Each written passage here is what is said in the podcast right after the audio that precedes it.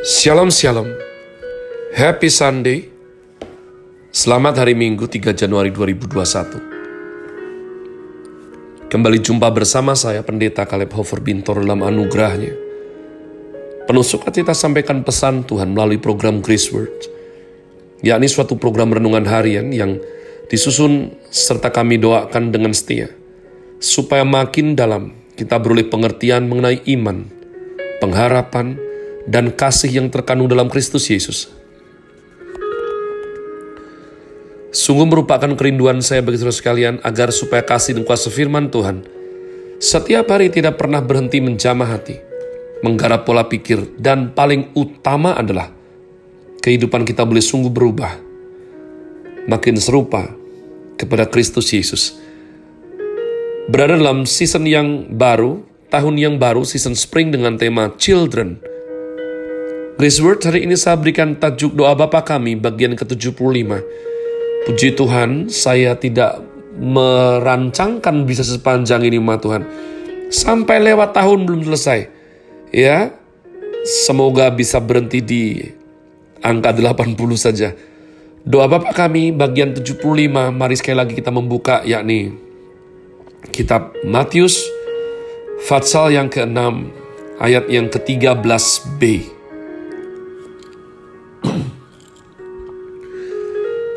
Karena engkaulah yang empunya kerajaan dan kuasa dan kemuliaan sampai selama-lamanya. Karena engkaulah yang empunya kerajaan dan kuasa dan kemuliaan sampai selama-lamanya. Amin. Nah, Tuhan Yesus yang menolak setan. Tuhan Yesus yang dengan tegas berkata, "Enyahlah kau iblis." Adalah Tuhan Yesus yang sama, yang mengajar kita. Dan memang pada kenyataannya tidak ada Tuhan Yesus yang lain. Tuhan Yesus yang seperti ini yang mengajar kita engkaulah yang empunya kerajaan dan kuasa dan kemuliaan sampai selama-lamanya. Di dalam terjemahan lain dipertegas, karena kuasa dan kerajaan dan kemuliaan semuanya hanya dimiliki oleh engkau untuk selama-lamanya. Yang mana artinya tidak ada satupun kerajaan yang bukan milik Tuhan. Sekalipun mereka tidak percaya kepada Tuhan, mereka tetap dikuasai Tuhan. Tidak ada satu orang yang bukan milik Tuhan. Meskipun mereka mengaku ateis, tetap menjadi ateis yang diciptakan Tuhan Bukan Tuhan yang menciptakan mereka ateis, tapi manusianya ini adalah ciptaan Tuhan. Maka jika engkau betul-betul patuh dan menjalankan kehendak Tuhan, tidak mungkin. Tidak mungkin Tuhan membiarkan engkau terlantar, terbengkalai.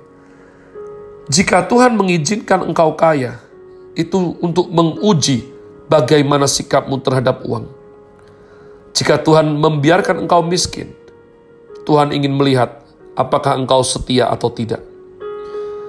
Tuhan memberikan kekayaan kepada seseorang dan mengizinkan orang lainnya miskin. Maka yang kaya harus merenungkan apa artinya, apa maknanya, sehingga dia dikaruniakan kekayaan yang seperti itu. Dan juga apa artinya ketika Tuhan mengizinkan orang yang lain mengalami kemiskinan. Maka yang kaya yang miskin harus belajar satu perkara ini. Kekayaan dan kemiskinan hanyalah sementara. Hanyalah sementara.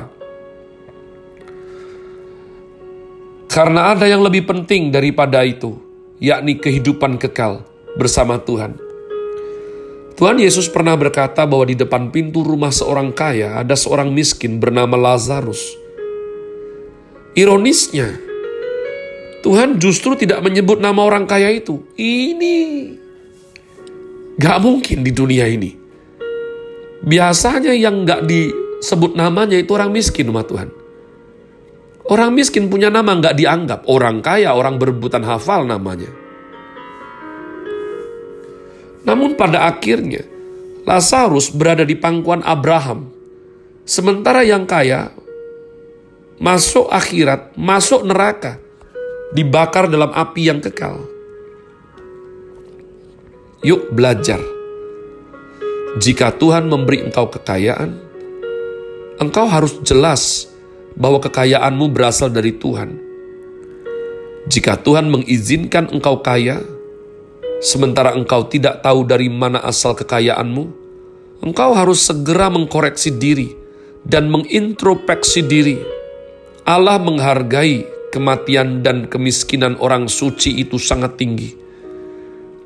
Sebaliknya melihat kekayaan orang jahat itu sangat keji dan kenikmatan orang kaya yang tidak beres sebagai hal yang harus dihakimi.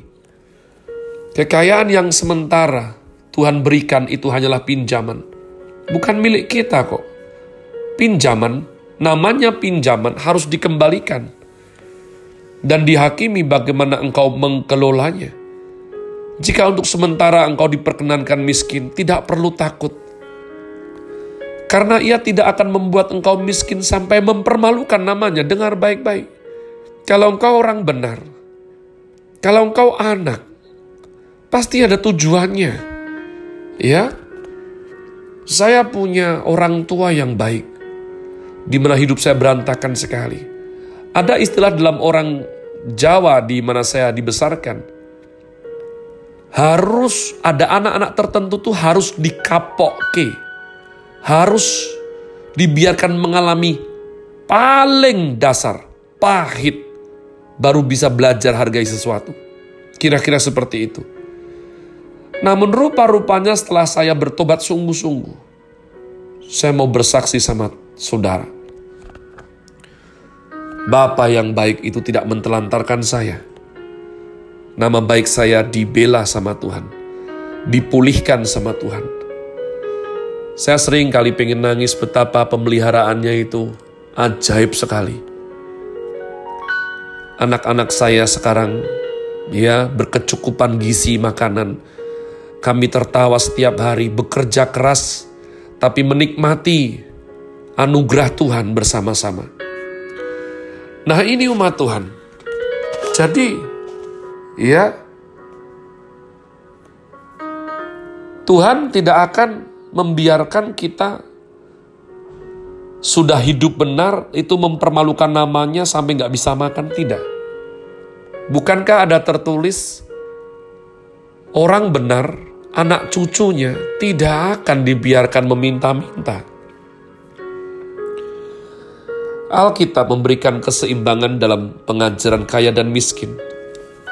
Uang bukanlah satu-satunya barometer untuk membuktikan saya mencintai Tuhan. Tapi uang sering kali jadi ujian. Ketika Tuhan memberikan uang kepada kita, Tuhan berkata, Aku mengikuti, menteliti dan memperhatikan apa yang engkau lakukan setelah aku memberikan uang itu kepadamu. Tuhan kita bukanlah Tuhan yang buta, tetapi Tuhan mempunyai mata seperti api yang menyala-nyala bahkan bagai pedang bermata dua. Ia akan menusuk ke dalam, ke dalam kedalaman hati kita yang sedalam-dalamnya paling dalam. Ia mengerti apa yang ia kerjakan.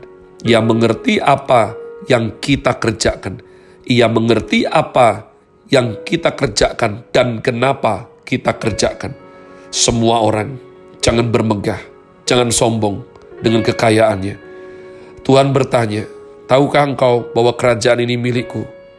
Semua kuasa kekayaan juga milikku, yang hanya untuk sementara ku pinjamkan kepadamu. Banyak orang yang ingin jadi besar, banyak orang ingin pekerjaan Tuhan, tapi tidak mau ikut berbagian karena terlalu sulit baginya untuk mengorbankan diri. Tuhan Yesus berkata, sangkal dirimu, pikulah salibmu, baru bisa ikut aku. Tuhan Yesus menguji kita, memberikan segalanya dengan cuma-cuma, dan kemudian melihat bagaimana kita berespon. Tuhan menguji kita, apakah kita mengutamakan Tuhan dulu, karena Tuhanlah yang memberi kekayaan dan izinkan kemiskinan. Rasul Paulus berkata demikian, Aku tahu apa itu kekayaan. Aku tahu apa itu kekurangan. Rasul Paulus pernah diberi kecukupan, tapi juga pernah berkekurangan. Ketika orang kaya, jangan tindas orang. Ketika kamu miskin, jangan minta-minta.